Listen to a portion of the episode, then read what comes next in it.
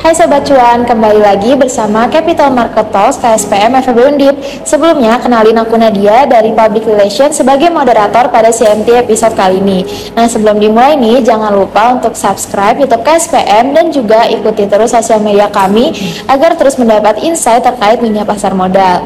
Nah, jadi e, rotasi sektoral itu biasanya disebabkan oleh perubahan sentimen baik dari optimisme maupun pesimisme oleh para investor terhadap outlook suatu sektor di masa depan Biasanya itu dalam waktu 6 hingga 12 bulan. Lalu jika outlook suatu sektor itu dinilai kurang baik atau kurang menjanjikan, maka sektor tersebut akan ditinggalkan dan digantikan dengan sektor yang dianggap memiliki outlook lebih baik. Lalu eh, salah satu contoh fenomena dari rotasi sektoral itu yang mungkin dianggap fami familiar ya oleh para investor itu adalah eh, rotasi dari sektor growth ke sektor defensif ketika kondisi market itu sedang kurang kondusif. Nah, penyebabnya itu bisa bermacam-macam. Bisa seperti perlambatan pertumbuhan ekonomi, meningkatnya tensi geopolitik, atau goncangan pada pasar akibat kasus perusahaan besar. Lalu pada kondisi seperti ini nih para investor itu e, menghindari sektor-sektor yang dinilai e, memiliki resiko lebih tinggi sehingga mereka para investor itu akan memarkir atau memindahkan dana mereka ke sektor yang dianggap memiliki uh, outlook lebih baik seiring dengan pergeseran prioritas dari capital gain menjadi capital protection. Nah, kita akan bahas lebih lanjut terkait dengan topik yang udah aku mention sebelumnya uh, dengan dua narasumber kita yang keren banget nih. Oke, boleh banget nih perkenalkan diri dulu untuk Gibe dan juga Faiz. Oke, okay, uh, halo teman-teman semua. Perkenalkan aku Gibe dari Divisi Education Research and Development KSPM FB Undip. Halo teman-teman semua, uh, aku Faiz dari Divisi Finance Investment PSPN FEB Oke, uh, jadi ini dua narasumber yang bakal bahas tentang topik tadi bersama kita semua. Oke, langsung aja kita masuk ke pembahasan kali ini. Uh, akhir-akhir ini kan banyak banget emiten-emiten di sektor energi yang mengalami penurunan cukup signifikan nih. Nah, tanggapan kalian tuh apa sih tentang kondisi itu? Oke, uh, sebenarnya ya sangat sayangkan ya jujur karena emang sektor energi itu pada periode sebelumnya menunjukkan kinerja yang paling baik dari sisi harga. Jadi uh, saat ini sebenarnya harga-harga sektor energi masih tinggi gitu Mbak Nadia. Masih tinggi dan tapi uh, sayangnya pada periode kali ini itu terjadi penurunan permintaan dari sektor energi yang belum signifikan sehingga menyebabkan ya bahwasannya sektor energi ini harganya tinggi tapi peminatnya udah mulai turun gitu. Jadi orang-orang tertekan untuk menjual harus menjual saham mereka ya sebelum harganya benar-benar anjlok dan dikat uh, keuntungannya gitu loh mbak. Oke. Okay. Wah berarti uh, pada bulan-bulan ini tuh emang lagi itu ya terjadi rotasi sektoral ya dari energi ke konsumen. Iya bener banget. Dan ya itu karena tadi uh, dari secara harga juga mungkin energi tinggi dan komoditas ini karena inflasinya lagi ditekan juga sama pemerintah sehingga menyebabkan harga komoditas dari si sektor konsumer ini turun.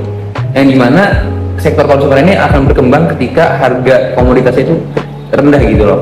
Jadi berbalikan sama sektor energi. Ketika energi tinggi itu dengan permintaan sedikit itu bakal jadi keterbalikan gitu makanya orang-orang berlomba-lomba untuk menjual sahamnya di bidang energi untuk beralih ke sektor konsumen yang mungkin pada 2024 ini bakal jauh lebih pesat perkembangannya.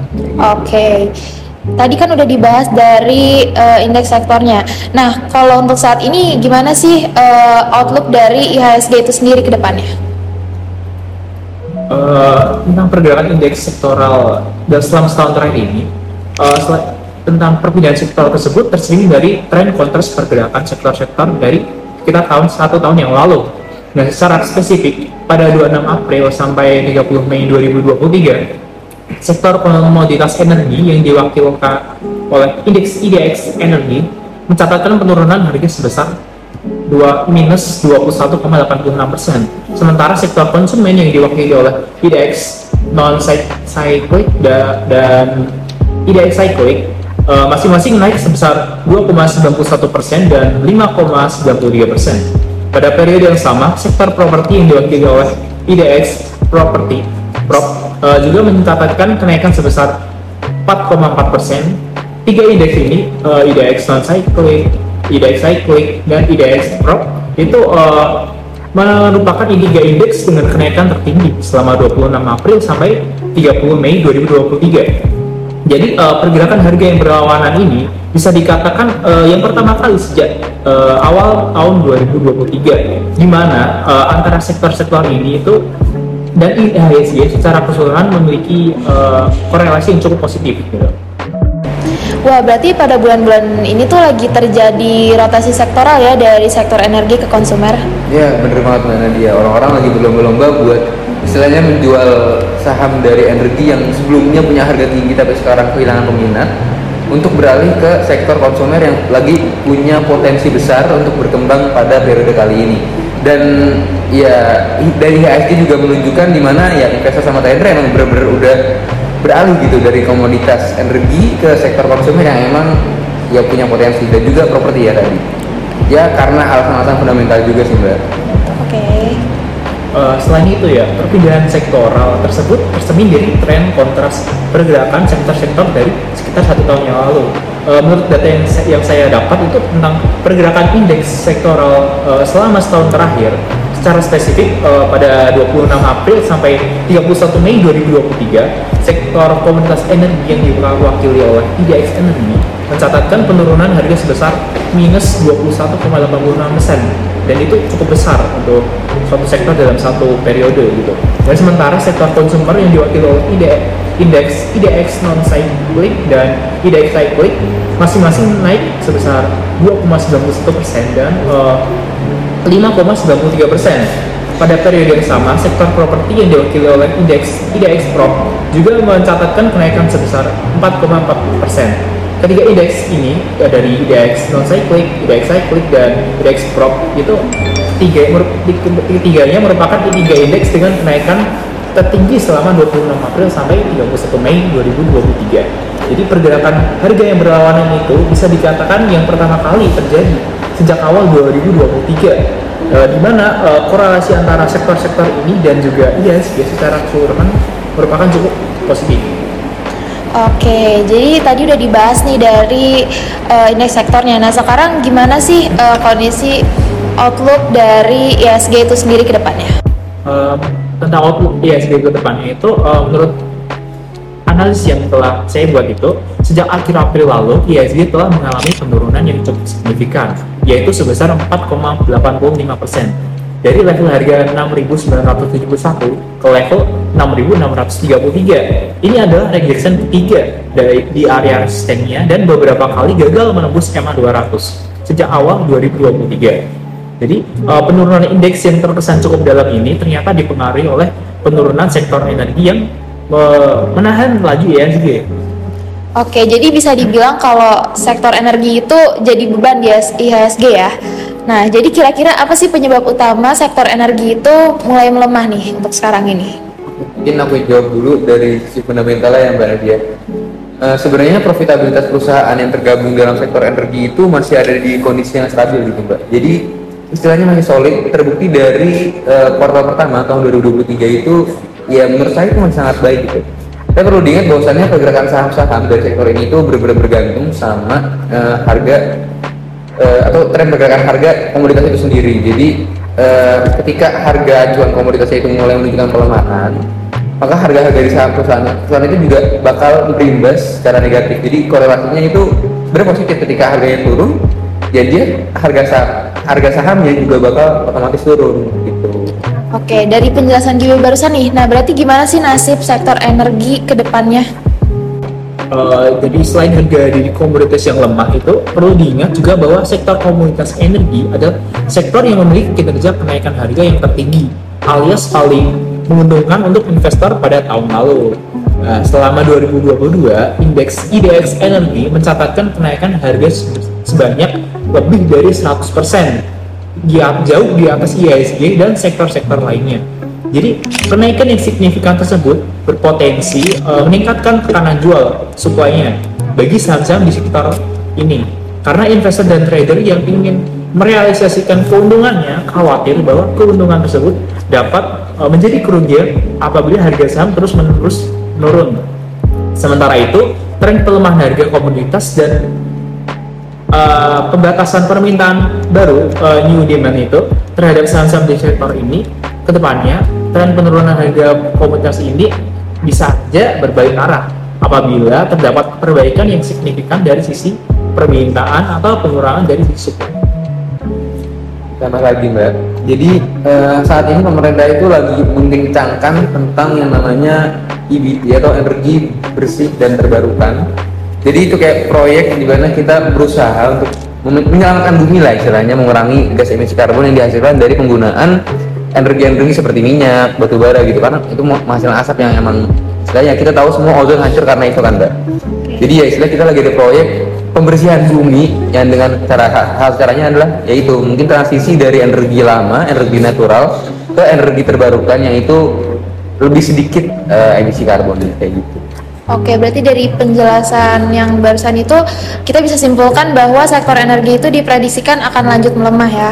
Nah, lalu hal apa sih yang mendasari bahwa sektor konsumer itu akan menjadi pemegang kendali ataupun eh, menjadi ujung tombak ISG ke depannya?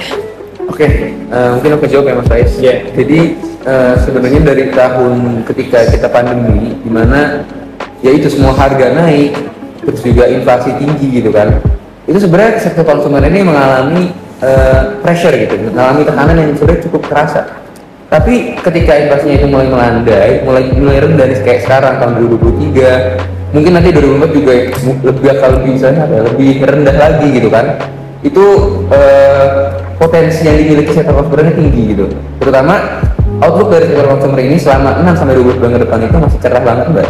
Dan harga bahan baku juga saat ini mulai cenderung stabil serta proyeksi pertumbuhan ekonominya itu positif mendukung peningkatan pembelanjaan dari konsumsi masyarakat. Jadi eh, pemerintah itu pemerintah juga memproyeksikan bahwasannya ya pertumbuhan ekonomi ini bakal kuat pada 2024 karena banyak faktor yang mungkin nanti aku bakal jelasin. Secara khususnya eh, diperkirakan bakal tumbuh sebesar 4,4 persen pada 2023 ini dan 5,3 persen pada tahun 2024 menurut E OECD. Oke, lalu eh, mau nanya lagi nih, secara umum hal apa aja sih yang dapat mempengaruhi peningkatan pembelanjaan konsumsi?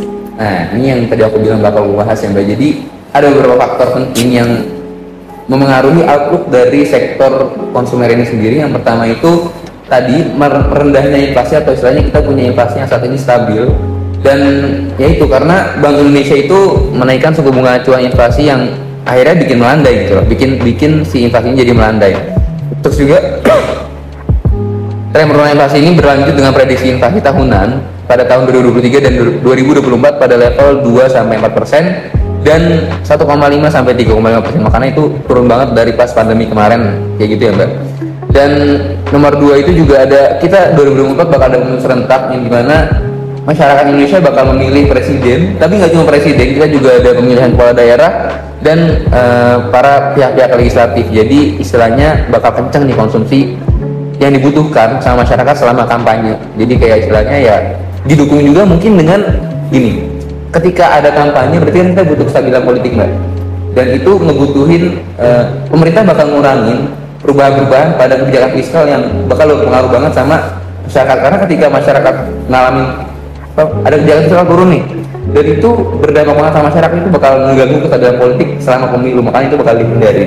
Yang ketiga ada juga eh, tren penurunan harga dari komoditas itu sendiri. Karena eh, lalu perusahaan konsumer itu berkebalikan sama energi ketika harga komoditas dari sektor konsumer itu merendah dia itu bakal meningkatkan eh, nilai jualnya gitu mbak. Jadi istilahnya gini mbak pasti mau belanja dengan produk yang lebih murah gitu kan nah sebenarnya secara keuntungan bakal lebih untung ketika ya harga itu murah gitu dibanding ketika harga itu mahal makanya di sini ketika harganya turun sektor komoditas eh sektor konsumer itu justru bakal meningkat kayak gitu itu beberapa Oke. faktornya Bagus banget nih penjelasannya. Nah, kita lanjut ke pertanyaan selanjutnya ya.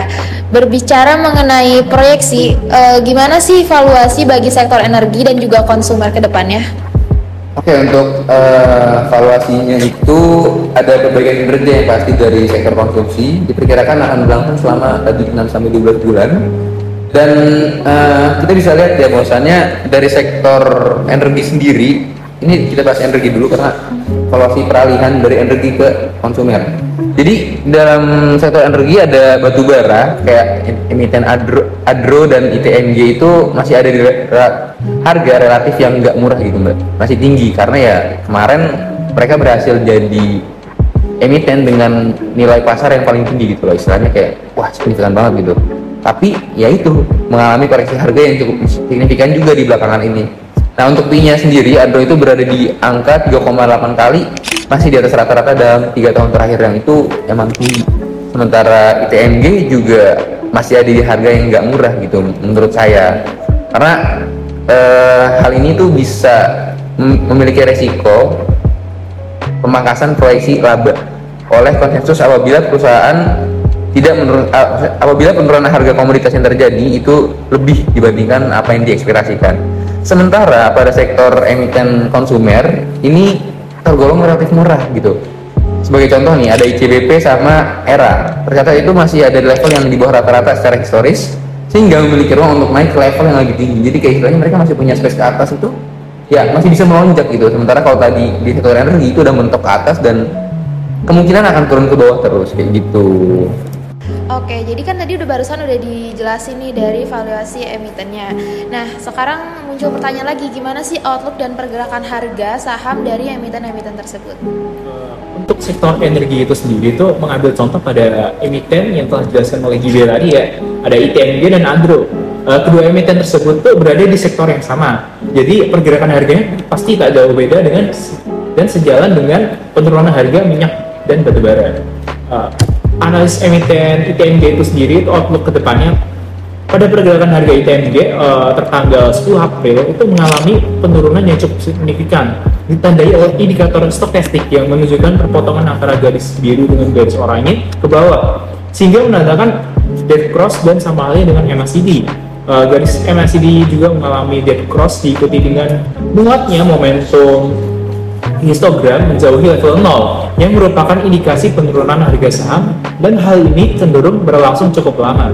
Selain itu, indikator EMA 20 dan 50 sebelumnya juga menandakan terjadinya dead cross. Saat ini stokastik telah berada di area oversold dan uh, volume juga menunjukkan rasio penjual lebih banyak sehingga belum ada tanda-tanda kenaikan harga maupun minat pembeli. Selain itu, Fibonacci di level 0,236 di harga 24.725 berhasil ditembus dan harga saat ini bergerak ke support kuatnya pada level harga 19.550 dan untuk agro secara umum maupun secara teknikal memiliki kondisi yang sama seperti TNG yang dijelaskan tadi, yaitu sedang terjadi penurunan yang cukup signifikan. Sedangkan untuk sektor konsumer, mengambil contoh pada emiten ICBB dan ERA, kedua emiten tersebut juga berada di sektor yang sama, yaitu sektor konsumen. Jadi uh, pergerakan harganya tak jauh beda sejalan dengan peningkatan pembelanjaan konsumsi seperti yang dijelaskan oleh GB. Dan untuk teknikalnya sendiri itu outlooknya uh, pada pergerakan harga IC, ICBP sejak awal tahun 2023 mengalami koreksi ke level 0,5 di harga 9.375. Namun setelahnya pada pergerakan bulan Maret pergerakan harga ICBP naik cukup signifikan sampai ke level harga 11.700 dan itu cukup sangat tinggi uh, mengingat itu sebelumnya 9.300 ke 11.700 diikuti oleh indikator stokastik yang menunjukkan perpotongan antara garis biru dengan garis oranye ke atas sehingga menandakan golden cross. Dan sama halnya dengan MACD, uh, garis MACD juga mengalami golden cross diikuti dengan menguatnya momentum histogram menjauhi level 0 yang merupakan indikasi kenaikan harga saham dan hal ini cenderung berlangsung cukup lama. Selain itu, indikator MA20 dan 50 sebelumnya juga menandakan terjadinya golden cross. Uh, saat ini, stokastik uh, telah ber berada di area overbought dan uh, volume juga sudah terlalu tinggi. Namun emang belum ada indikasi untuk dead cross sehingga belum ada tanda-tanda penurunan harga maupun minat beli. Jadi masih bisa naik lagi ya masih bisa naik lagi sejalan dengan uh, peningkatan pembelanjaan konsumsi di Indonesia ya, saat ini harga sedang menguji di level harga 11.700 jika dia breakout akan mencapai ketinggian yang baru dari harga-harga sebelumnya. Dan untuk era secara umum maupun secara teknikal memiliki kondisi yang sama seperti CDP yang sedang terjadi kenaikan. Namun yang menjadi pembedanya, era masih tertahan dan sedang melakukan koreksi yang diprediksikan akan melanjutkan kenaikannya kembali. Itu aja sih uh, outlook ESG tentang sektor energi dan sektor konsumen. Wah, jadi penjelasan tadi cukup panjang dan juga kompleks banget ya. Tapi nggak kalah menarik dan juga insightful banget buat didengerin sama sobat cuan semuanya. Terutama tadi mengenai korelasi antar sektor yang udah dijelaskan oleh Gibi dan juga Faiz. Nah, tapi sayang banget kita udah di penghujung acara nih. Jadi terima kasih banget buat Gibi dan juga Faiz. Makasih udah berbagi pandangan dan juga ilmu barunya pada Capital Market Talks kali ini. Dan juga terima kasih pada para investor yang telah menonton CFD pada episode kali ini. Oke, jadi sekian dari aku Nadia sebagai moderator dan mau ucapin terima kasih sekali lagi kepada Giba dan juga Faiz uh, yang udah bersedia menjadi narasumber pada CMT kali ini. Jangan lupa untuk like, komen, dan subscribe YouTube KSPM FEB Undip dan jangan lupa juga untuk ikuti terus sosial media kami agar uh, mendapatkan insight lebih lanjut terkait dunia pasar modal. See you in next Capital Market Talks. Bye.